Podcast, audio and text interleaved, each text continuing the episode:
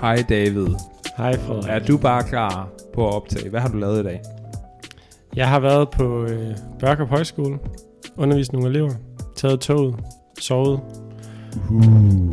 og øh, så har jeg sat vores lille ekokammer op her hjemme hos mig, Mm. i min lejlighed på Frederiksbjerg. Et dejligt sted. Den står på et bord. Et puskespil, som David og din dejlige kone Sofie er i gang med, ikke? Jo, Mm. og det er sværere end det ser ud, vil jeg sige. For det ser nemlig ret nemt ud. Ja, men der er blikket bedrager, og det er jo det, vi skal arbejde med i dag, Frederik. Jeg kan for eksempel Når ikke vi- forstå de fire brikker heroppe, hvordan det kan være, at I bare lige får placeret dem. Fordi de er svære at finde. Okay. Du går alt for meget op i det her Det er puslespil. Ja. Det, det bevæger dit ekokammer. Ja. Vil du videre til dagens emne, eller Ja. vil du snakke noget mere Hvad om skal vi- puslespil? Hvad skal vi snakke om i dag, David? Vi skal snakke om tro og helbredelser og mirakler. Og vi skal snakke med Heidi, som ved noget om det øh, af flere årsager. For det første, fordi hun er kristen selv, men også fordi hun er Ph.D. i, det må vi lige finde ud af, noget religionspsykologi helt, ja. eller neuropsykologi. Noget med arbejde med helbredelser hos troende, tror jeg i hvert fald. Øhm, så det skal vi høre hende til. Og øh, Frederik, hvad vil du gerne snakke med Heidi om? Hvad har du af forventninger? Jeg glæder mig jo til at få mit eget, øh, mine egne oplevelser omkring helbredelse under øh, en naturvidenskabelig lup. Det er ikke sikkert, at det kommer det, men det kan jo være. I hvert fald bare lige sådan prøve at få snakket om det på en måde, som man måske ikke er vant til at snakke om det på. Og sådan høre, hvad, hvad vil hun egentlig sige, hvis jeg fortæller nogle af mine oplevelser med helbredelser, som jeg faktisk har haft et par stykker af i mit liv. Øhm, ja, Det kunne også være sjovt, altså inde i vores ekokammer, der er der jo på en eller anden måde en meget sådan en naturlig tillid til øh, helbredelser på en eller anden måde, i hvert fald mm. i nogle dele. Det kunne være sjovt at høre, hvad sådan en, øh, hvad Heidi som forsker ville sige til det, og så bagefter jo at høre, om det så anfægter hende som troende, de mm. ting, hun ved fra sin faglighed. Altså går vi alle sammen rundt og vi havde en arbejdstitel på et tidspunkt på den her podcast, der hed Er troen placebo? Mm. Det bare noget, vi bilder os selv ind, eller sker der rent faktisk mirakler blandt os? Det er da være spændende at finde ud af. Ja, altså jeg kan ikke lade være med lige at nævne øh, Hans Bernsen, som den her store øh, guru her, som inden for kristne kredse, så er han øh, widely known for at være den her helbredelsesprædikant i Danmark. Øhm, og jeg har desværre, har du nogensinde været med til Hans, han, Hans Bernsen møde egentlig, David? Øh, nej. Nej, jeg har desværre heller ikke oplevet det selv.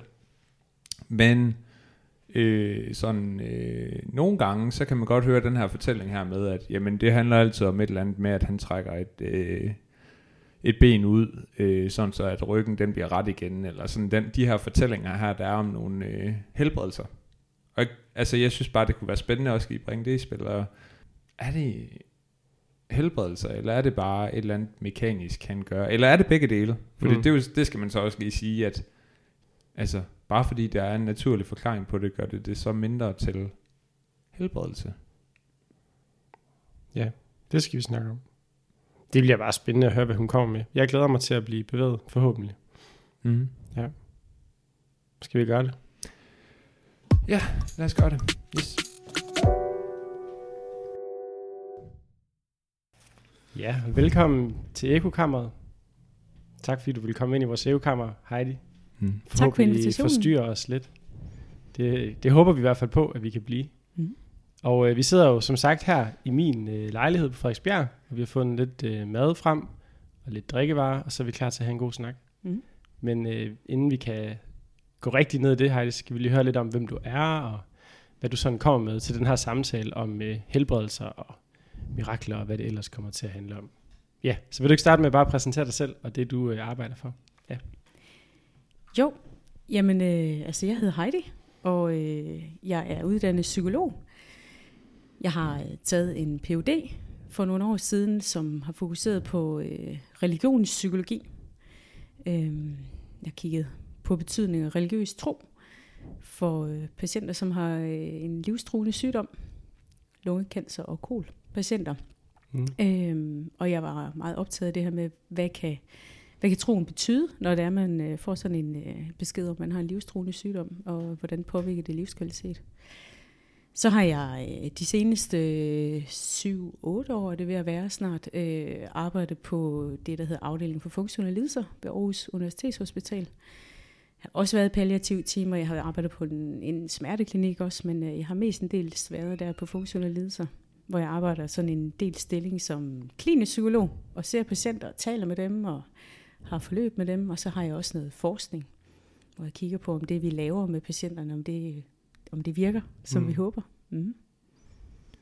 Hvad, øh, hvis, det er jo også et unfair spørgsmål at starte med, men hvis du nu skulle, øh, hvis nu skulle opst- opsummere øh, svaret på hele din PhD i nogle sætninger, altså hjælper det så mennesker, der tror? Får de bedre livskvalitet end mennesker, der ikke tror? Jeg tror, det kommer meget ind på, hvad det er for et ståsted, man har, øh, når, man, øh, når man får en alvorlig sygdom, hvor man står i troen.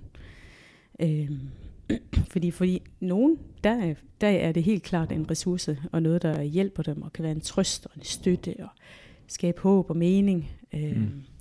Og for andre, der bliver det lige pludselig også sådan et, øh, noget, man kæmper med. Mm. Så øh, det, det var det enkle svar. Mm. Men jo også noget, som kunne udfoldes meget mere, og er meget komplekst. Og jeg tror, der er mange ting, der spiller ind på det. Altså, øh, kan jo spørge sig selv, hvorfor er det, det for nogen øh, virker som en ressource, øh, og for andre bliver det sådan en øh, snublesten. Det, det er ikke et enkelt svar, tror jeg. Men jeg tror, det er der, hvor, hvor man oplever det som en snublesten, at, at det er noget med, at det udfordrer ens verdensbillede og den tro, man havde. Øh, øh, hvis man har, har haft sådan en basal tro på, at der, der sker ikke mig noget, mm. øh, så gør det det så alligevel.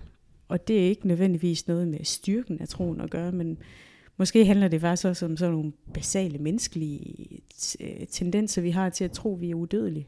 Ja. Øh, og, og jeg tror, øh, at de fleste vil blive udfordret, hvis man fik en, en alvorlig diagnose.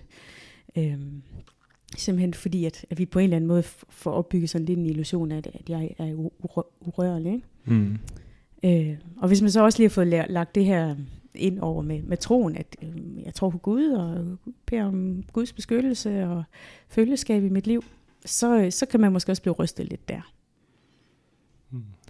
Har du tænkt over, hvad, hvis nu at du fik en eller anden, det ved jeg ikke, enten øh, i et uheld, hvor du blev lam, eller der skete et eller andet med dig, en eller anden ting, der vil fjerne så mange af de ting, som man jo gør, når man lever sit liv, altså den livskvalitet, har du tænkt over, hvad, altså, hvad vil det gøre ved, det, og det er selvfølgelig hypotetisk, men hvad vil det gøre ved din opfattelse af Gud? Vil det gøre noget ved din opfattelse af Gud? Det er selvfølgelig et ret dybt spørgsmål lige at starte på. Mm, det tror jeg faktisk ikke, det vil for mig. Øhm, for, altså, jeg kan jo ikke sige det. Måske vil det. Øhm, ja, det kommer an på, hvad det er, du spørger. Fordi jeg hører det lidt, når du spørger, som det der med, vil det på en eller anden måde rykke tæppet væk under min tro. Det er lidt det, der ligger i det. Ja. ja. Øh, jeg tror måske, altså det kan godt være, at det vil det, men, men jeg, min fornemmelse er, at måske ville det faktisk nærmere være en anledning til så også at finde ud af, hvordan er det, jeg så øh, også kan, kan hvile i troen. Altså, mm. øh, fordi jeg, jeg synes, jeg, jeg selv i hvert fald har været der, hvor, hvor, hvor i nogle overvejelser om, når der sker ulykker for mennesker? Er det, øh, er det Guds vilje, eller er det mig, der har gjort noget? Altså, hvor, hvor jeg tror, det er sådan nogle ting, der godt kan komme i spil og gøre, at troen bliver en snublesten, hvis man får de der diskussioner med sig selv. Mm. Øh, og jeg vil ikke tro, at, altså helt ærligt, jeg vil ikke tro, at det var Guds vilje, men jeg vil tro, at Gud godt kunne følge med mig i det, mm. og være i det, og hjælpe mig til at skabe en mening i det. Altså, Øh, det er nok sådan, jeg lige selv står i det. Altså, mm. der ikke nødvendigvis vil være den øh, dybere mening fra Guds hånd med det her. Og derfor vil jeg kunne komme i tvivl om, hvad var meningen med det, Gud? Mm. Hvad ville du mig i det? Ja, noget af det, som vi øh, også er særligt nysgerrige på i den her samtale, det er jo så den her praksis, kirken har med, når folk er i de her sygdomssituationer, at, øh, at man praktiserer bøn for helbredelse i Mhm. mange kirker, Mhm. og, øh, og ligesom tror på, at Gud han kan på en overnaturlig måde øh, måske gribe ind og, og helbrede mennesker fra sygdom simpelthen Mm. øh, gennem øh, bøn for eksempel, eller salve, sygesalvning er der også nogle steder, man gør. Øh, hvordan ser du på sådan et fænomen som helbredelser, som, øh, som, både som Heidi og som øh, religionspsykolog Heidi? Hmm. Jamen, øh, jeg synes som religionspsykolog, Heidi, at det er et øh, spændende fagligt Er fænomen. det to forskellige personer? ja, hvis, nu delte du det op på den her måde. ja, det var måske også dumt. Fordi måske kan man ikke helt skælde det ene fra det andet. Og så alligevel, så, så synes jeg måske godt, jeg kan det, fordi jeg, jeg tror, jeg har noget, som er et fagligt blik på, hvad det er. Og så har jeg også en del, som er den personlige, som for eksempel, hvad jeg ville være der, hvis jeg selv havde brug for det, eller ville bede for helbredelse for andre.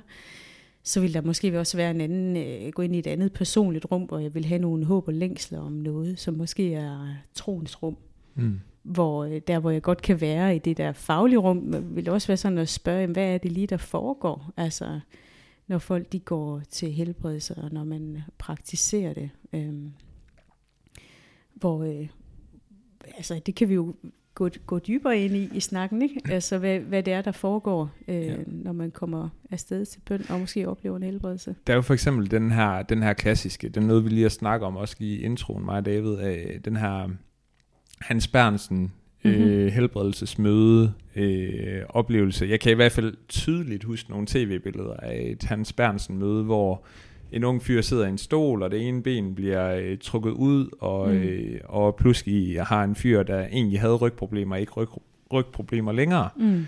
Øhm, hvor øh, sk- øh, den lille skeptiker, der er gemt inde i min skeptiker djævlen inde i min mave, Mm-hmm. sidder og, øh, og siger, det der, det, det er ikke andet end en, der bare lige sidder og laver lidt fiflerier og lidt, lidt hypnose, og så, så kører det. Mm-hmm. Det kan jeg simpelthen ikke lade være med at sidde og tænke på, når jeg ser sådan nogle, øh, sådan nogle ting. Hvorimod hvis nu, at... Øh, jeg kan jo for eksempel fortælle en historie fra mit eget liv, hvor jeg har set en person, jeg bad for, øh, gå bedre. Øh, det var både hans oplevelse, det var også vores oplevelse, også der bad for ham, øh, efter at have bedt for hans knæ. Mm-hmm. Øhm, det kan jeg relatere til, fordi det er ligesom om, det er mig selv, der ligesom træder ind i den oplevelse. Men det, men det der, du, du, kender jeg godt den der stereotyp der, der er ligesom det her med, man sidder på en stol, der er, der er to ben, og det ene ben bliver ligesom trukket ud, og så er der ikke rygproblemer længere. Mm. Jeg, jeg har bare den, den version i hovedet af en standard helbredelse. Mhm. Øh, ja, hvad, hvad tænker du om det? Altså, jeg, jeg kan jo ikke sige præcis, hvad er det lige, der foregår der. Altså, jeg kan jo have alle mulige øh, øh, tanker om, hvad, altså, vil man, også, øh, vil man virkelig også gerne en helbredelse, ikke? så man også øh, lige følger lidt med i den her bevægelse, mm. som bliver gjort af den person, der hiver lidt ind. Ikke? Mm. Og, og, og så den her enorme forventning, som man jo jeg tænker må have, når man vælger at gå til forbøn, fordi man har et problem, som er, koster en en masse bøvl og smerte og bekymring. Mm. Så kommer man til en person, der siger, øh, jeg, jeg, jeg, jeg lægger det her frem for Gud, og så tror vi på Guds indgriben i det. Det ville være mærkeligt, hvis ikke man havde nogle forventninger til det. Ja. Og, og fra forskning, der ved vi, at det betyder helt vildt meget. Forventning til, at noget skal ske, kan, kan i gang sætte nogle processer i hjernen omkring, øh, at det sker. Øhm, og det, altså det er jo sådan noget, vi ved fra placeboforskning, at hvis man har en forventning om, jamen jeg får det her aktive placebostof, så, øh, så begynder hjernen simpelthen at reagere som om, at man fik det her. Øh, og det, det er jo kendt i mange forskellige medicamenter, smerte og øh, øh, depression og angst. Øh, Mm. Jeg er ikke inde i al medicinalforskning, men, men, øh, men det ved man. Mm. Og faktisk har man også lavet nogle studier, hvor man, hvor man giver, altså nogle lidt, øh, kan vi kalde det onde studier, hvor man faktisk giver folk et aktivt placebo, så man får bivirkninger. Nå. Så det vil sige, de bivirkninger, der for eksempel vil være kendte ved at få et middel med antidepressiv, det har man også puttet ind i det her placebostof, som så bare ikke er aktiv, men man får bivirkningerne. Og det, og det øger simpelthen, øh, at folk de, de responderer bedre på det. Så der er en placeboeffekt på det. Ikke? Mm. Så jo mere ondt du har, jo, jo bedre virker det sådan set, altså i, i forstand, at, at, man, øh, altså, at, at man egentlig vil opleve en lindring så over tid. Mm. Så hvis, hvis man får for eksempel smerte som bivirkning af et eller andet, mm. så vil hjernen reagere med, at jeg får det aktive stof, og så sker der et eller andet. Hvad det lige præcis er, der foregår, det kan jeg ikke sige, altså sådan, sådan ned på et helt neurokemisk mm. niveau, men det er det, som placeboforskning viser, og det jo mm. giver jo så i hvert fald en anledning til også at tænke, er det noget af det samme, der er på spil, når vi snakker de her helbredelsesseancer. Mm. Øh, og der er lavet noget forskning øh, fra religionsvidenskab her i Aarhus, hvor, øh, hvor man blandt andet har kigget på mange af de her øh, helbredsberetninger, der er, blandt andet fra, fra Hans Bernsen, som, som er blevet mm. samlet i, i deres blad, hvor man simpelthen har pløjet igennem 10 år tilbage, øh, og prøvet at læse dem, og vurdere, hvad er kvaliteten af de vidneudsagn. Altså har der været vidner? Har man haft en lægeudsagn for, at der er sket en helbredelse? Eller mm. er det sådan lidt mere på anekdote-niveau? Øh, for sådan at prøve at analysere, hvad, hvad er, er der fælles træk i de her beretninger? Øh, spændende studie. Øh, mm. og, men det, det, som egentlig sådan lidt er kendetegn ved det, de så finder ud af, det er, at, øh, at de mere utrolige øh, helbredelser, som, så at der er folk, der opstår for de døde, altså der er heller ikke så helt håndfaste vidner mm. omkring det. Det er måske, måske vil vidne, vidne kvaliteten være sådan lidt mere på anekdote-niveau, hvor når vi kommer øh, altså mere over i det område, som kan være med kroniske smerter og sådan, der er der måske lidt mere håndfaste vidner på, der er faktisk sket noget. Øhm, der er nogle få beretninger, som omhandler øh, cancer, øh, helbredelse, som jeg kan huske, hvor, hvor, jeg, hvor jeg tror hele point, eller konklusionen fra det der studie, det er, at de tilfælde, hvor vi har med kroniske smerter eller u- medicinsk uforklarede øh, symptomer, øh, der sker der mange gange en helbredelse okay. som måske varer, og no- nogle gange falder det også tilbage. Og så er der nogle få af de der tilfælde, hvor man vil sige, det at blive helbredt for en cancerknude eller alvorlig sygdom, det er der ikke så mange af, men, men, men der er nogen, og hvor lægerne også kan sige, at vi kan ikke forklare det. Mm. Så jeg synes, deres konklusion er, jamen der er noget her, hvor, hvor vi har at gøre med noget, som vi ikke helt kan forklare, hvad er det, der foregår. Mm. Men så er der også en hel masse tilfælde, hvor man vil sige, jamen, særligt omkring det her med kroniske smerter, at der ved vi faktisk, at sådan noget med forventninger, øh, altså det, det betyder mm. noget. Tager, tager det noget af, øhm, hvis du selv, når du sådan hører en helbredelseshistorie, mm. og du sådan tænker, øh, om der kan også være noget med forventninger, alle de ting, du lige har sagt nu, tager det noget fra din forståelse af det som et mirakel, eller som en helbredelse? I sådan i, med, sådan i religiøs øje med, eller, mm. eller i forhold til din tro? Øh, nej, faktisk ikke. Nej. Fordi jeg tænker jo, at, øh, at altså, som, som mennesker, så er vi jo skabt med en hjerne og vores nervesystem og følelser og tænkning og evne til at forestille os og forvente. Ikke? Så, så, hvis, øh, så, så det, at vi på en eller anden måde kommer med noget, som er smertefuldt for os, og ligger det frem i en kontekst, hvor, hvor vi beder om hjælp, altså og så får den. Altså, det er da sådan set det er mirakuløst, også selvom vi øh, gik ind på et sygehus, og det så var en læge, der gjorde noget, ikke? Mm. og den øh, øh, medicinske hjælp, man ville kunne få der. Ikke? Altså, det, mm. det tænker jeg da også, at man kan se som et mirakel. Altså, øh, øh, men, men altså selvfølgelig, så, så sætter det da noget i gang. Altså, at jeg på en eller anden måde, der er måske noget, må, måske er der noget øh, naivitet for mig, der sådan går lidt af det. Mm. Øhm, som måske godt kan jo så også skubbe lidt ved troen, ikke? Altså, hvornår mm. er det, det er relevant for mig at gå til Gud? og hvornår er det relevant for mig at, øh, at snakke med, med nogle andre? Altså, mm. det synes jeg, der godt kan udfordre lidt. Ja, ja for så kunne man ja. spørge, hvis det er den gode forventning, der bliver det her helbredende placebo, kan jeg vide, om man så kunne gå til en øh, østlig healer, der spiller på trommer, mm-hmm. og også blive helbredt. Mm-hmm. Og det tænker jeg at hvis, det, hvis man kan det, ja, sådan, så, ja, så vil jeg da også øh, blive udfordret på mit syn på, hvad en helbredelse er. Hvis det mm. mere handler om altså noget, der sker op i mit hoved, øh, ja, mm. altså, øh, ja, det kunne være sjovt, og det kan man sikkert ikke undersøge, men hvis man kunne undersøge, om der var en forskel på, øh, helbredelserne i en kristen kontekst, og mm. helbredelserne i en anden religiøs kontekst, men mm. det ved jeg ikke. Det er der nok ikke lige noget på, skulle jeg til at sige. det, det er ikke, ikke, hvad jeg lige ved af. Det kan godt være, at det findes derude, men, Ja. men ikke nødvendigvis, hvor man måske... Jeg tænker, du forestiller dig så et studie, hvor man har kigget på, er der flere succesfulde helbredelser ja. i, i kristen regi, end Ja, der det er kunne være i... sjovt. Ja, det kunne være lidt sjovt, ikke? Ja. Mm. Det ville være skønt, kunne. hvis det var rigtigt. ja. Ja. Ja. Men omvendt, så tænker jeg jo også bare lige, hvis nu man sådan skal... Altså, jeg er jo ikke teologen, vel? Så her håber jeg, at I kommer lidt på banen Ja. og, og kan, kan Bring byde it. ind. Øh, men, men jeg tænker også, Jesus han siger jo også sådan, at øh, han er jo kommet for øh, helbrede de syge, og når Mm. jeg hører ham fortælle, så er det jo ikke kun helbredelse i fysisk forstand, så er det jo det Mm. hele menneske. Ikke? Mm.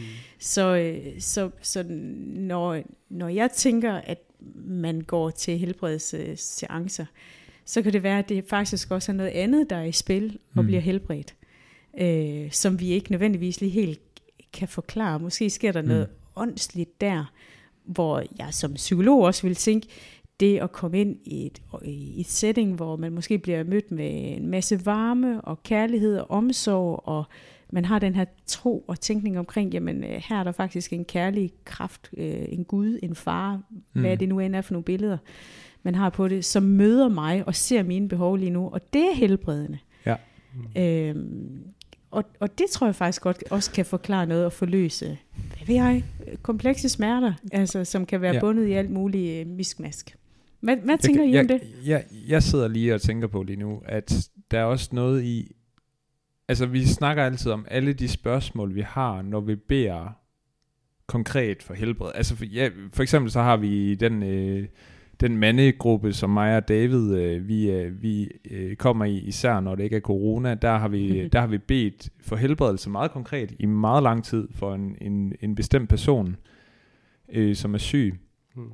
med, med kraft, og der er jo bare ikke sket noget, og det, det er jo, mm. Vi snakker jo flere år, hvor vi har bedt øh, konkret for det, På, øh, og hvor, hvor, hvor basis. det, ja, det er det, og Mm. hvor det spørgsmål, vi jo ofte sidder med, det er jo, jamen, hvor, hvorfor er det Gud ikke øh, svarer, eller hvorfor er det Gud ikke gør det, vi beder for, og vi kender jo godt svaret, altså det er jo ikke sådan, fordi at vi, vi, øh, vi er født i går ind i en kristen kontekst, så vi ved godt, hvad det normale svar er, men nogle gange tænker jeg på, hvis man vender det rundt, Prøv at tænke på alle de spørgsmål, det vil give, øh, hvis Gud overnaturligt går ind og helbreder 10 af dem, som folk beder for jævnligt, de går, øh, men ikke helbreder de andre.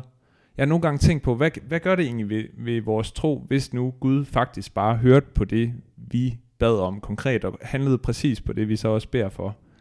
Øhm, hvilke spørgsmål vil vi så stille? Altså, hvad, hvad med alle de andre? Mm. Og hvordan vil man kunne bruge den her, den her hvad kan man sige, enarmede tyvknærm, det er det jo ikke, men sådan den her udtræksmaskine sådan af, af, fra Gud, det her med, at vi bare kan trække en, en gevinst, og så, så får vi noget af ham. Altså, der er bare et eller andet i, at vi altid taler om de negative ting ved, at Gud ikke svarer på den måde, vi, vi har lyst til. Men faktisk, hvad, hvad ville der ske, hvis han bare gav os det, vi bad om der? Men det gør han jo nogle gange. Ja. Altså, han, han, det er jo netop det, der... er- Altså, ja, og det var det, vi snakkede om, inden vi skulle optage, at vi nok på et eller andet tidspunkt ville ende i det her, ende her i det her sted, hvor vi skal tale om, hvorfor Gud helbreder nogen og ikke helbreder andre. Mm. Øh, og det, det kunne vi tale om i mange timer. Øh, jeg, jeg tror, jeg er mere nysgerrig på, øh, hvad, øh, hvordan vi har en sund praksis omkring helbredelse, fordi det andet spørgsmål, øh, tænker jeg, handler vildt meget om ens gudsbillede, og, Mm. og handler om, hvordan man regner med, at Gud han viser sig i verden, og hvordan det ser ud, når han viser sig. Øh, hvor man kunne sige, når Gud viser sig øh, tydeligst, det er på et tidspunkt, hvor han lider. Så hvis Gud viser sig tydeligst i sin lidelse, hvorfor forventer vi så, at han vil vise sig stærkt i det modsatte af lidelse? Mm. Øhm, det kunne være et, et forsøg at svare på det, at måske Gud han er allernærest hos, øh, midt, i lidelsen, mm. ligesom han var for Jesus. Det ved jeg ikke. Det kunne være et forsøg på et svar, men øh, øh, jeg tror, jeg tænker lige så meget, øh, tænker lige så meget på, om man mister frimodigheden for at overhovedet at bede for helbredelser, når man oplever det der, men også når man måske, hvis man mister den her naivitet. Mm. Øh, jeg tænker på, Frederik, er, altså, er du, er vi ikke også, beder vi ikke mindre for helbredelser for folk, end vi gjorde for fem år siden? sådan hvor vi konkret lægger hånden på en skulder, eller... Gør vi Jo. ikke det? Det, det tror jeg, du har ret i. Hvad er det udtryk for? Hvad det hed. ja, Det er du nødt til at uddybe lidt. ja. Hvad betyder det? Hvad betyder det? Nej, men det kan godt være, det kan godt være, det er et udtryk for øh, en eller anden sådan en, måske en øh, afromantisering af hele forståelsen af, hvad er en helbredelse, eller hvad er en, hvad er det egentlig, der sker. Mm. Altså, jeg kan bare, jeg, jeg vender lige tilbage til det der med, det der med at sådan se tv-prædikanter, der bare gør det her, og det er jo aldrig, og jeg siger aldrig, en fyr, der bliver kørt ind på en borger, fuldstændig lam, der bare bliver bedt for, og så rejser han sig op, og så Mm. skriger alle folk. Det sker jo ikke. Det sker faktisk til mange det? helbredelsesmøder i USA. Så har jeg simpelthen ikke set nok. det og hvis det, sker, så sidder jeg jo lige med det samme. Så vil det næste spørgsmål være, fed skuespiller, hvor kan man købe ham? Mm. Jeg vil også godt lave den scene. Nej, det ved jeg ikke. Altså, men det er jo bare det, det, det er jo det, altså, det er jo det, det her med helbredelse er for mig. Det er, det er bare for en, der kommer i tvivl om selv den mindste ting, som mig, så kan jeg simpelthen, der er så mange ting i det, jeg ikke ville kunne forlige mig med. Og jeg elsker naturlige forklaringer på sådan nogle fænomener, fordi så kan jeg, det kan jeg godt forholde mig til. Jeg kan faktisk godt forholde mig til, at Gud han kan øh, helbrede på en, hvor han faktisk bruger nogle af de her naturlove her til at ændre et eller andet Mm. inde i os. Ja. Heidi, vil du med din erfaring øh, være fortaler for, at vi beder mindre for helbredelser i kirken? Og altså, har du, har du nogle, øh, på en eller anden måde nogle, ja, nogle inputs til nogle gode måder, vi lige kunne korrigere lidt på den praksis? Sådan, ja, det ved jeg ikke. Det kunne bare være sjovt at høre. Øh, pff, det ved jeg ikke lige, om jeg sådan lige tænker noget om, fordi jeg tror også, det kommer an på, hvad, hvad det er for et udgangspunkt, du spørger fra. Mm-hmm. Mm. Mm. Øhm, vil du sige lidt mere om det? Altså, er det fordi, du også selv nogle gange har mødt øh, nogle eksempler, hvor du tænker, "Hvor var det lige det rigtige at gøre? Fik vi øh, lovet for meget her, og fik vi skabt en skuffelse hos en person? Måske næsten øh, desillusioneret en person omkring troen på Gud og helbredelse? Mm, ja, jeg tror, det er ud fra den her antagelse af, at, at øh, når vi mister naiviteten Mm. øh, i forhold til de her helbredelser, øh, om det så også gør, at vi bliver nødt til at korrigere vores praksis ud fra det, altså at vi så må bede på en mindre naiv måde, Mm. eller sådan, skal vi have et nyt sprogbrug for, hvad det egentlig er, vi forventer, Mm. når vi beder for en syg. Jeg tror meget, det kommer an på, hvad det er for nogle tilfælde, fordi jeg, jeg kan godt tænke, at der er jo nogle tilfælde, hvor man bare vil sige, det er simpelthen ikke, øh, det, det er ikke hjælpsomt at hjælpe, eller bede, en, bede ånder om at gå væk, hvis nu man sidder med en øh, psykisk syg person, mm. som er plaget af, af hallucinationer for eksempel. Øh, fordi det på en eller anden måde bare vil tale ind i en virkelighed, Mm. øh, og bekræfte noget, hvor der skal man måske gå anderledes til værks. Øh, det tror jeg også langt de fleste altså, har fornemmelse af, at, at det skal man. Øh, Øhm, at der skal man måske øh, bede om fred øh, og nærvær og sådan noget i stedet for. Øh, men, øh, men, jeg, men jeg ved ikke. Altså, jeg synes også, det ville være, øh, være, være ærgerligt, hvis ikke vi også kan tillade os at være naive, fordi jeg tænker jo stadigvæk, der er noget, vi ikke kan forklare. Altså, de der tilfælde, det, som jeg nu nævnte fra den her øh, artikel, som er sådan, sådan en oversigtsartikel, ikke? Mm. hvor der er nogen, der har oplevet, at cancer er blevet helbredt. Øh, jeg har det i min egen familie, altså min, øh, min svigerfars kone har lidt af lunge, al, alvorlig lungekancer, og hvor lægerne også øh, spåede hende meget, meget kort levetid. Og det er jo 13-14 år siden, Okay. og hun lever endnu. Mm. Og øh, hun har sagt, jamen lægerne, de synes jeg er et interessant tilfælde. De vil, de vil gerne følge mig lidt mere, selvom jeg egentlig ikke skal gå til kontrol mere.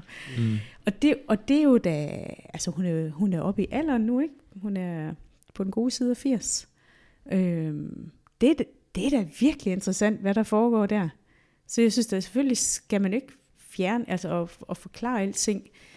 Øh, på, øh, jeg, jeg tror, der er noget i vores, øh, altså sådan øh, tilgang til det her, hvor man på en måde kan stille sig den lejr, hvor man gerne vil bortforklare noget og sige, jamen det er jo bare kemiske Mm. processer i hjernen. Mm. Man kan også godt komme til at stille sig den anden grøft, der hedder, at man vil forsvare det for meget, og så sige, at det, det kan vi ikke bruge. Altså, vi, vi er nødt til at have den fulde tro på det. Men jeg, jeg tror, jeg står et eller andet sted imellem. Siger, der er noget, vi givetvis kan forklare, og så er der noget, vi ikke kan. Mm.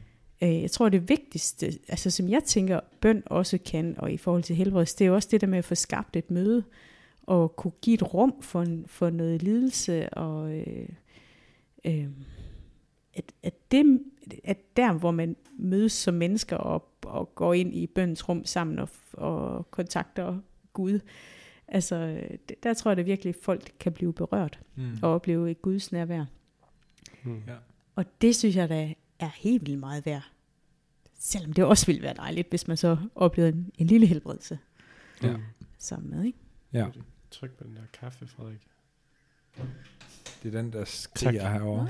Ah, godt så. Hvis du har hørt en øh, bip på linjen, så var det kaffen på bordet. Ja. Eller gry. Eller, eller Som min datter. Gry, der Ja. ja. skriger lidt.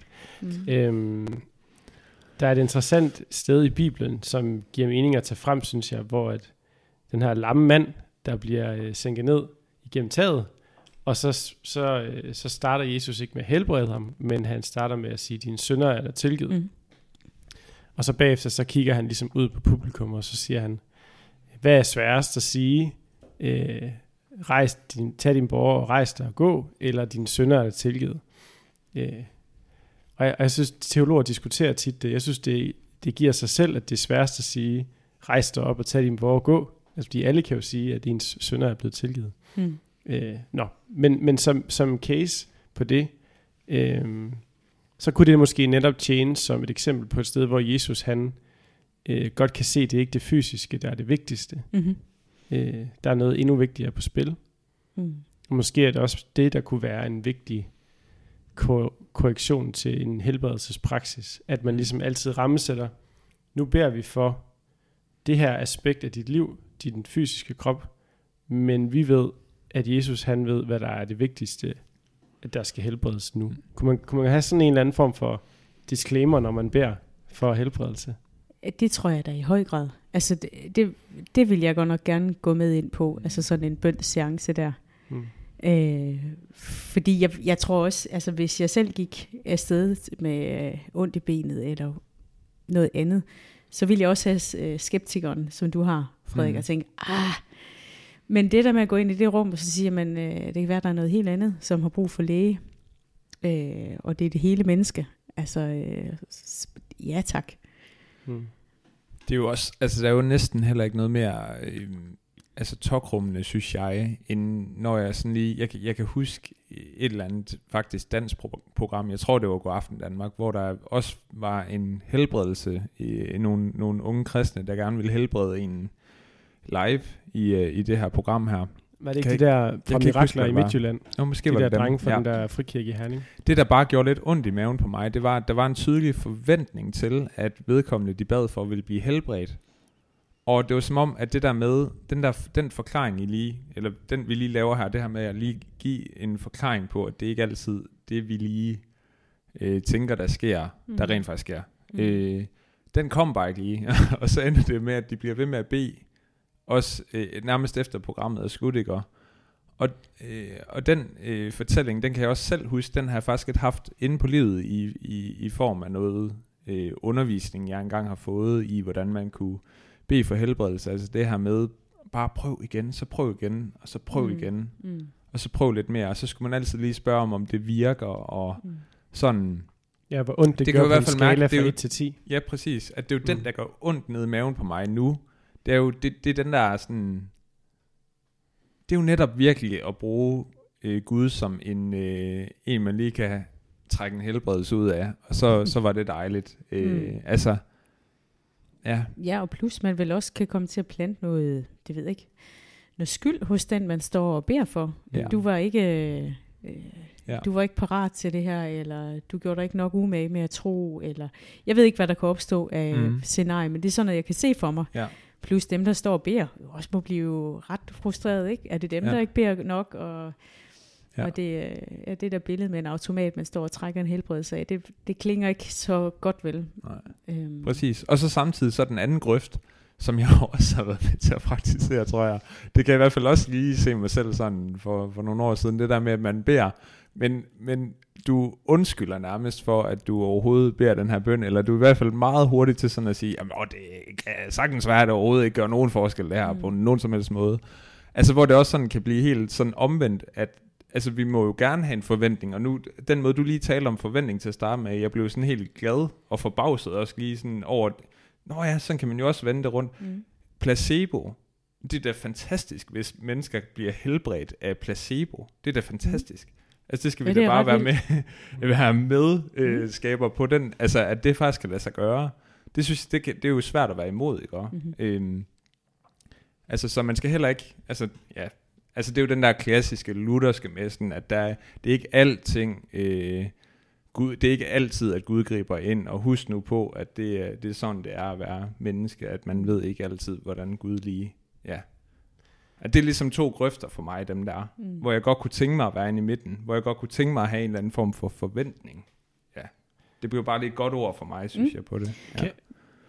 Ja. Men, men jeg kommer til at tænke på også sådan noget omkring, i det hele taget det der med, hvad, altså, hvordan er det, troen fungerer, og sådan noget med åndelige oplevelser, og sådan noget, hvor... Øh, jeg kommer, til, jeg kommer til at tænke på et forsøg, der er lavet for en del år siden med øh, en mand, der hed øh, Michael Persinger, som rigtig gerne ville nemlig bortforklare øh, åndelige oplevelser. Så han, øh, han satte folk ned i en kælder, hvor han gav dem sådan en knallerthjelm på, hvor der var puttet nogle elektroder på, svag strøm, og så var øh, hans formål var ligesom at stimulere nogle bestemte områder i hjernen for at fremkalde øh, religiøse oplevelser.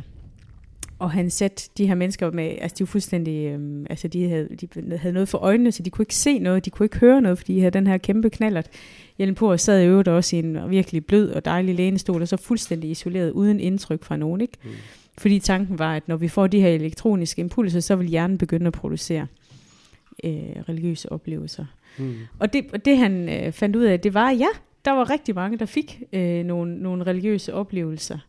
Øh, og så, så kan man sige, at hans konklusion var, jamen det er jo bare elektroniske impulser, der har skabt det, så det er jo i gåsøjne bare i hjernen, det foregår. Det er jo ikke rigtig religiøse oplevelser. Mm. Så blev det gentaget for øh, nogle år siden af Uffe Schødt, som er jo på religionsvidenskab her i Aarhus, som lavede det samme, puttede folk øh, ned i laboratoriet i, i, i kælderen af universitetet og lavede noget af det samme, fordi hans teori var egentlig, jeg ved om der er noget omkring det her med, at man bliver fuldstændig frataget sanseindtryk, og man får skabt en stærk forventning til, nu skal du ind og undersøges for, om der kommer religiøse oplevelser. Mm. Og, og han genfandt det egentlig, det der var øh, hele humlen ved det, var, at han ikke puttet det der elektroniske impulser i. Mm. Så, så hjernen fik ikke øh, stimuli på den vis. Det var simpelthen det her med, at man sidder i det der setting, der er en person i kittel med autoritet, der siger, nu vil vi undersøge, om du får religiøse oplevelser af, at vi putter de her øh, stimuli i din hjerne. Jeg kan ikke forstå, at det ikke er det første, man tænker, når man møder op til et psykologisk forsøg på Aarhus Universitet. Det er, at det her, det er ikke det, ej, nu var det religionsvidenskab. Okay, det var religionsvidenskab. Så, så det var lidt en anden ja. setting. ja. Så det kan godt være, at man, man ville tænke anderledes i dag, hvem ved. Ja. Ja. Øhm, men, men altså pointen var det her med, hvor meget forventning og kontekst betyder. Ja. Og jeg tænker, når vi for eksempel står til helbredelsesmøder, eller andre øh, kristne festivaler rundt omkring, og lovsangen kører derudad. Der er en person, der, der måske har holdt en skøn prædiken, hvor man er blevet ramt personligt, ikke? så bliver der kaldt frem til forbøn. Mm. Hele rammen er sat for, her kommer til at ske noget ret fantastisk. Øh, så det er jo fedt, at, at, at hvis så nogle ting er med til at underbygge egentlig, jamen der kan ske det her. Mm. Om vi så kalder det, om hvad vi kalder det, det er egentlig ikke så betydningsfuldt for mig, men jeg tror, jeg har egentlig bare lige lyst til sådan at dele en, en personlig oplevelse, fordi jeg, jeg stod for nogle år siden øh, på sommeroase, hvor, hvor jeg fik sådan en ret øh, Øh, kraftig øh, åndelig oplevelse, hvor jeg egentlig øh, synes, jeg oplevede sådan at se et billede for mig. Øh, og det gør jeg nogle gange, øh, men det, det var meget klart for mig, og øh, det rørte mig dybt, og jeg tænkte, wow, sejt, fedt. Og øh, bagefter så tænker jeg, jamen okay Gud, hvad vil du sige til mig omkring det, og hvad betyder det, har det betydning for nogle andre? Og da jeg gik derfra, så tror jeg så tænkte, er det bare, øh, er det bare min hjerne, der spiller mig et pus her, ikke? Mm. Så den der skeptiker sad sådan ligesom i baghovedet. Men det, det tror jeg da. Mm. Siger, det tror jeg da helt sikkert, der, der har været noget omkring forventning, men der har jo også været noget omkring med, at jeg har øh, øh, lavet mine parader falde. Jeg har været tryg. Øh, måske har jeg fået adgang til nogle følelser, øh, som, som jeg ikke normalvis øh, lige er så åben over for med, med, med, med god musik og budskaber om en Gud, der elsker dig fuldstændig ubetinget. Øhm, og, og det, det så går ind og rammer mig og giver mig en øh, god åndelig oplevelse, det er da bare, øh, det er jo da bare ret fantastisk. Øh, og, og jeg tror, det vigtigste er det der med, hvad for en betydning man tillægger det. Mm. Jeg tror, der vil være nogle af mine kolleger, der vil sige, der vil kunne bortforklare det endnu mere, mm. end det jeg sidder og, og fortæller nu her. Men, men jeg vælger jo at tillægge det den betydning, at, øh, at her har jeg fået lov til lige at stå et øjeblik øh, og få øh, en, en følelsesmæssig oplevelse, en åndelig oplevelse, som gav mig lidt et vindue ind til, okay, der er noget her, som er større end mig. Jeg føler mig forbundet med noget. Ikke?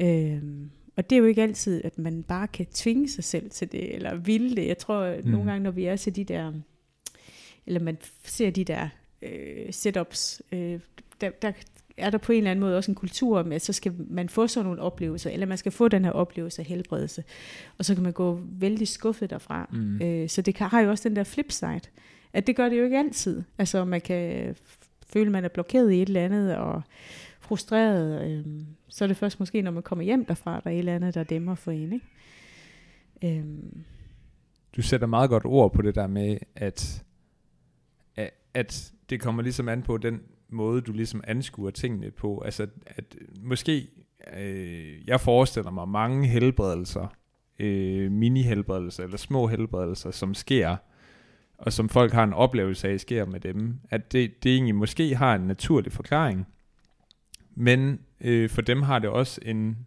anden forklaring. Og det, og det behøver ikke at være øh, den der to- komplette modsætning. Det er jo bare f- forskellige forklaringer, der lever deres eget liv, mm-hmm. og det, det- og det er helt okay. Øhm, ja. Jeg, jeg sidder bare sådan og kommer til at tænke på, øh, jeg kan ikke huske, om det er den røde pille eller den blå pille i øh, The Matrix. er det ikke The Matrix? Hvor han spørger, vil du spise Det er til? godt længe siden, jeg har set den. Nå, der, er en af de, der er en af de farver, som er, at han kan få lov til at se verden, som den virkelig er. Og finde ud af, at han ikke lever inde i The Matrix, men han bare ligger og bliver sappet for energi Mm. af robot øh, grusomheder. Men øh, jeg sidder lidt og tænker, med den viden, at det er forventningen, omgivelserne, det holistiske, placeboen, der gør noget. Hvis jeg ved det, har jeg så ikke netop taget den blå pille, sådan så jeg aldrig kan få den sunde forventning igen. Altså, hvis jeg tror, at det er placebo, så virker placeboen vel ikke. Hele ideen med placebo er vel, at jeg ikke ved, at det er placebo. Det syrede af placebo virker stadigvæk. Gør det det? Ja, det gør det. Ja. Selvom du får at vide, øh, ved du hvad, det her det er en kalktablet, men den virker rigtig godt, Ej. så virker det. Okay. Det er skørt. Men, men der er et eller andet der, og, det, og jeg tror, jeg tror altså vidderligt meget på det der med, at øh, det også handler om, hvad, hvad er det så for en tolkning, man vælger at lægge ind i det, og sige, Mm. ja, jeg ved da godt, der sker noget med mig, når jeg går ind i det her setting, og jeg har en masse forventninger til det, jeg kan være bange for, at jeg bliver skuffet, men der kan også ske det modsatte, altså at man også følelsesmæssigt er på duberen, ikke? Mm. Øhm, men, øh, men, men jeg tænker ikke, jeg tror jeg selv er et, et sted, hvor, hvor jeg synes ikke, det tager noget fra, fra min øh, tro, og det, at jeg kommer ind i det der rum. Altså, øh, selvom jeg godt kan tænke, åh, der blev der lige kørt lige lovligt meget på, er det ethos eller patos, Mm. mm. det, det følelsesmæssigt. Patos. Tak.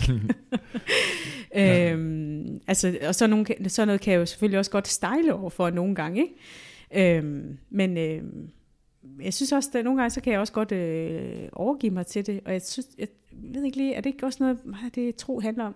Mm. At man vælger at overgive sig til noget her, så man, øh, man måske ikke selv helt kan, altså, øh, forklare, måske har man noget at forklare, ikke? men man vælger også at sige, at der er måske også noget her, som jeg har godt af at lægge over til noget andet, Mm. som er større end mig. Hvad tænker I om det?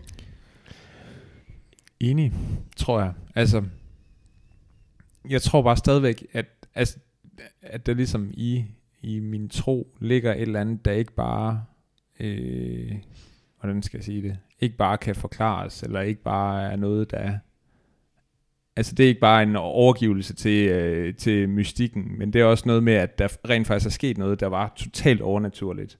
Altså Jesus stod op for det døde, øh, som noget, der ikke øh, forestiller mig ikke kommer til at blive forklaret ud fra øh, videns, videnskabens præmisser. Mm. Altså, at der ligesom er noget i min tro, som går ud over det, som naturlovene og hele det her spil, vi leger, det ligesom har. Ja, det ved jeg ikke om. Det var bare det, jeg kom mm. til at Mm. tænke på. Mm. Ja. Altså, jeg husker som om, øh, jeg ved ikke, om det var noget, du har sagt, Heidi. Det kan være, at jeg citerer dig nu, gennem min kone som anholdskilde. Men du var ude og holde en aften i KFS, Mm-hmm. omkring det her emne, vi taler om. Og der, husker, der har jeg taget med fra, hvad hun sagde, og det kan jo være, at jeg har tolket på det, hun sagde, at noget af det, du havde talt om, og jeg synes bare, det var så skønt, så nu vil vi se, om det rent faktisk var noget, du sagde, øh, det var det her med, hvis det er øh, en proces op i min hjerne, eller en, noget placebo, eller et eller andet øh, kemisk, biologisk, som Gud han bruger, hvorfor skulle det så ikke have været Gud, der i sin tid lagde det ned i et menneske, Mm. så han kunne komme i kontakt med det. Mm-hmm. Altså, så, så hvis der er et center i min hjerne, der bliver aktiveret, når jeg har en religiøs oplevelse, så kan jeg vælge at sige, jamen så findes Gud ikke. Eller jeg kan vælge at sige, jamen så har Gud skabt det center i min hjerne, til at han kan kommunikere med mig. Mm-hmm. Og det synes jeg bare var sådan en skøn tankegang, det der med, at Gud han har jo designet også det biologiske, og den måde, mm. Et menneske er lavet på. Mm-hmm. Og så kunne man jo sige, at alle de naturlige forklaringer, der er, er måske bare Guds redskaber til at møde os. Det fik jeg med. Jeg ved ikke, om det var noget, du det sagde. vil jeg eller det var... fuldstændig skrive under på, jeg har sagt. Perfekt. Din kone har lyttet rigtig godt efter den Ja. aften. Ja. Og jeg tænker, at det tager nemlig ikke noget fra det, vel? Altså, og måske kan det netop faktisk også for nogen lette vejen til så at kunne, skal vi sige, tro igen.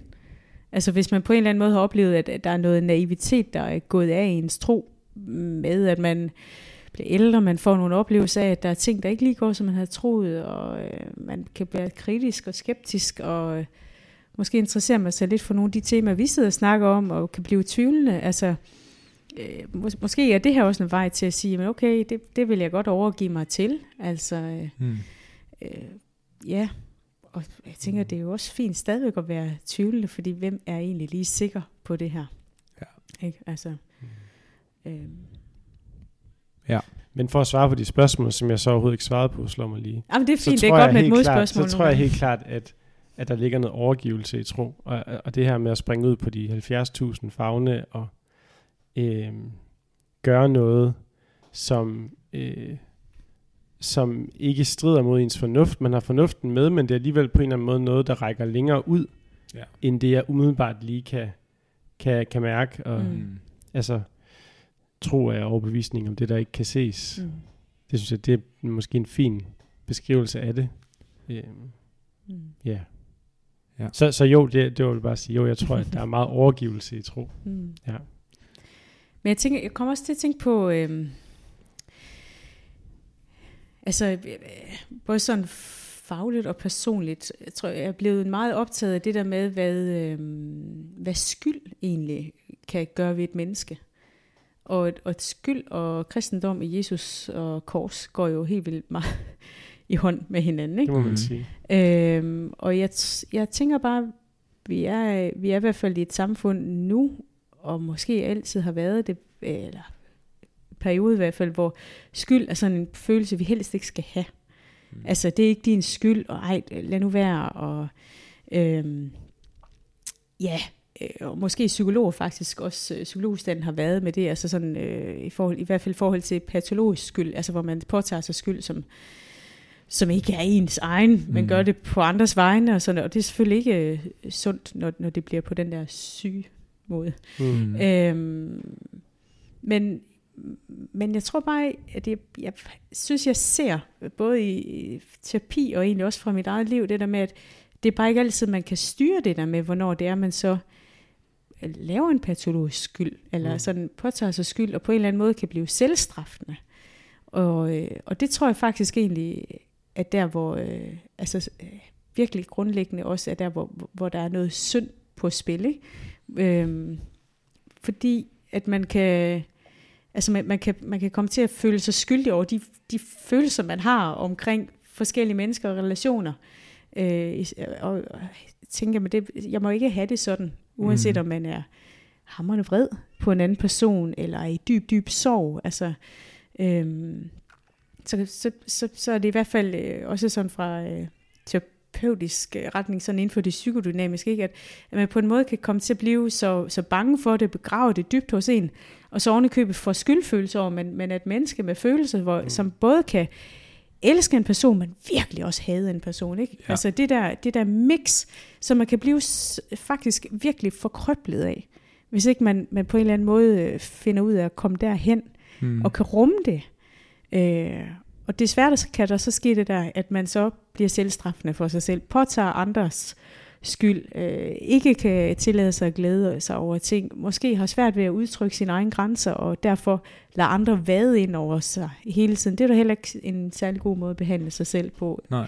Øhm, kan I følge mig i det her? Der, der kan blive sådan et en selvstraffende system, hvor jeg tænker, jamen, der tror jeg virkelig, at kristendommen har noget at sige. Altså, mm.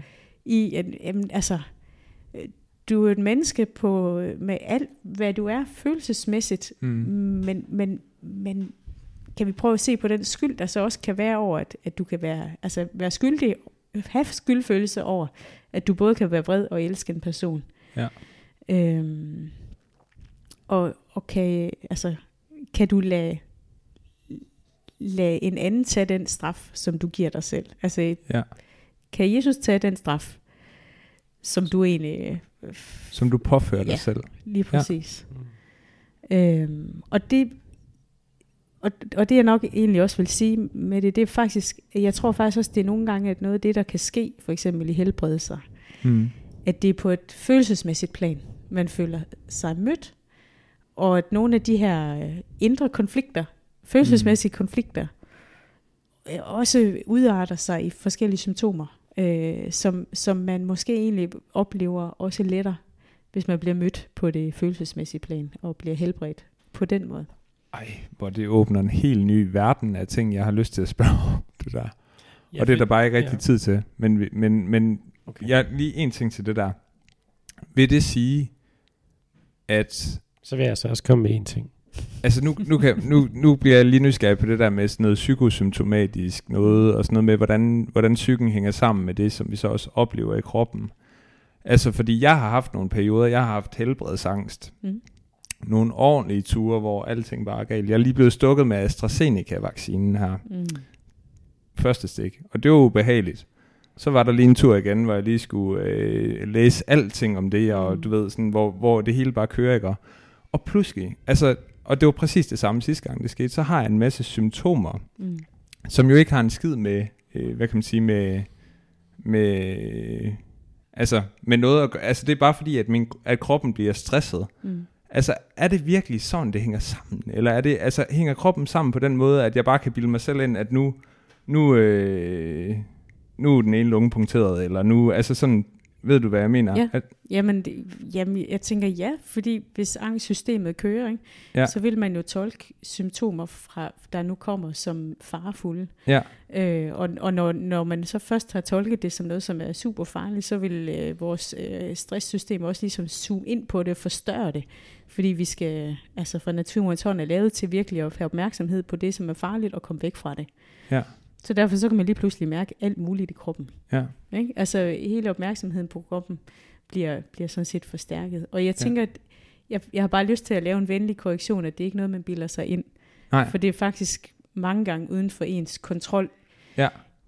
Indtil man bliver bevidst om også, okay, måske er det angst, der kører afsted med ja. mig nu.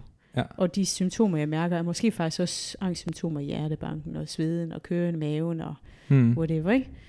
Øh, og, og den her opmærksomhed på, at når ens opmærksomhed så bliver forstørret på, er der nu blodpropper på vej efter mm. AstraZeneca vaccine, ikke? Ja. ja, så kan man lige pludselig mærke det. Ja, så er det der bare.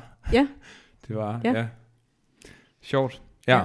ja. Og et lille sidespor også, men du ja. vil sige Nej, men det, øh, jeg kan også godt binde en krølle lidt med, med, med det, jeg siger, men øh, jeg har nemlig også hørt før øh, meget kloge præster tale om det her med, at... Øh, Ja, at der er et eller andet i, at nogle mennesker går rundt med kropslige symptomer hele deres liv, og, og det har ikke noget med deres krop at gøre. Mm. Det har noget med deres psyke at gøre. Mm. Øh, og det har jeg altid synes var skørt.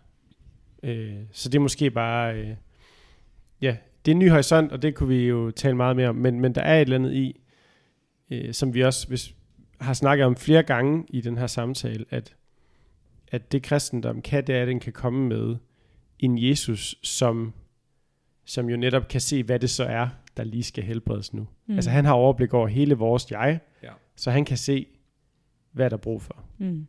Måske er det bare det, der er brug for. Ja. Ja, det tror jeg. Jeg tænker at det er et meget, det er et meget godt sted at lande den. Mm. Fedt. Tak fordi, at du øh, kom med, Heidi, og delt Så spændende. alt det, du Altså, kom med. Det var virkelig skønt. ja, Fed samtale med jer. Ja. Kloge mennesker. selv tak.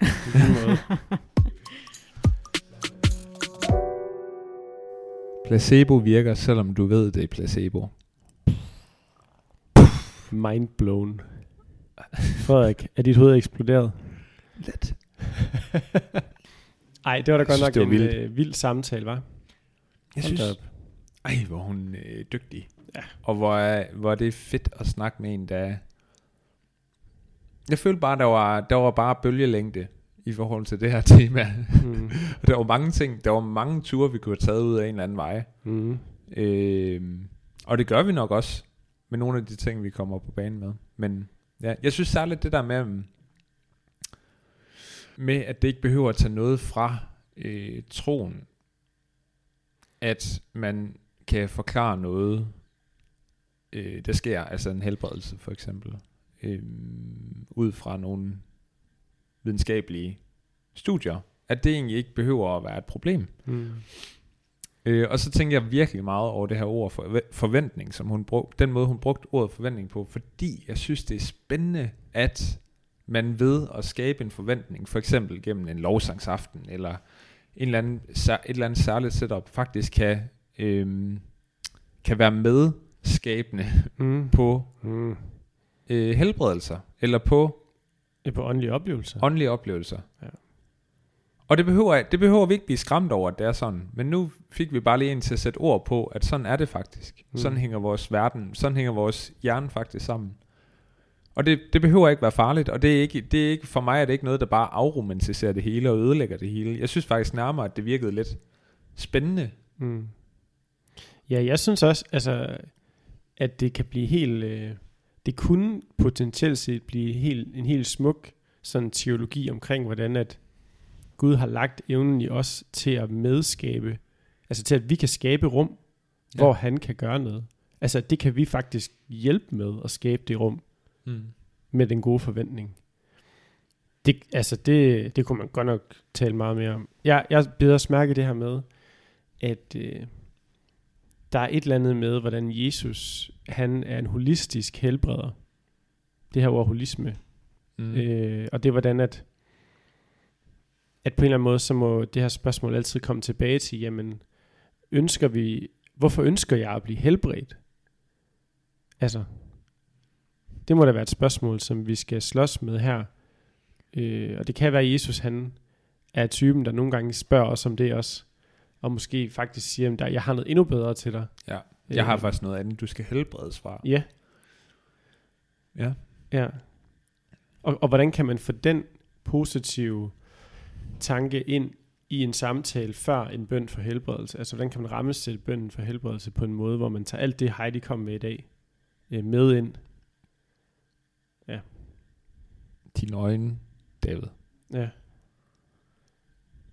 De er freaky lige nu. Er de trætte? Nej, det er fordi, du, du er så fyldt af teologi. Jamen, jeg kan bare du er mærke bare det. klar på at skabe et helt nyt... Ja. Øh, Altså, du, du kommer bare til at skrive en, en, en, øh, en ny øh, blogindlæg til Sharing My Faith of Jesus Christ, share my faith in Dot Jesus org. Christ. Ja. som Ja, jo er Davids gamle... Punktum blogspot.com vil jeg gerne lige sige. Det er jo Davids gamle øh, lækre, lækre blog. Og jeg, jeg tror lige, der kommer et link i, øh, i bioen her, nedenunder, Link i bio. Ja. På, Ej. på den Jeg ved ikke engang, om jeg vil stå ved Skriv den i lige, den her jo podcast. David, det vil du gerne. Skriv lige et blogindlæg om forventningsteologi. Forvent. Prøv lige at overveje det ud. Jeg tager patent. Vi, vi trademarker det udtryk i den her podcast. Nu er det vores. Nå, vi skal også have lavet det der puslespil færdigt. Nej, det er jo sjovt. Vi siger Ja, vi tak skal for nu. noget mad. Tak og, for nu. Øh, ha' det godt, så længe.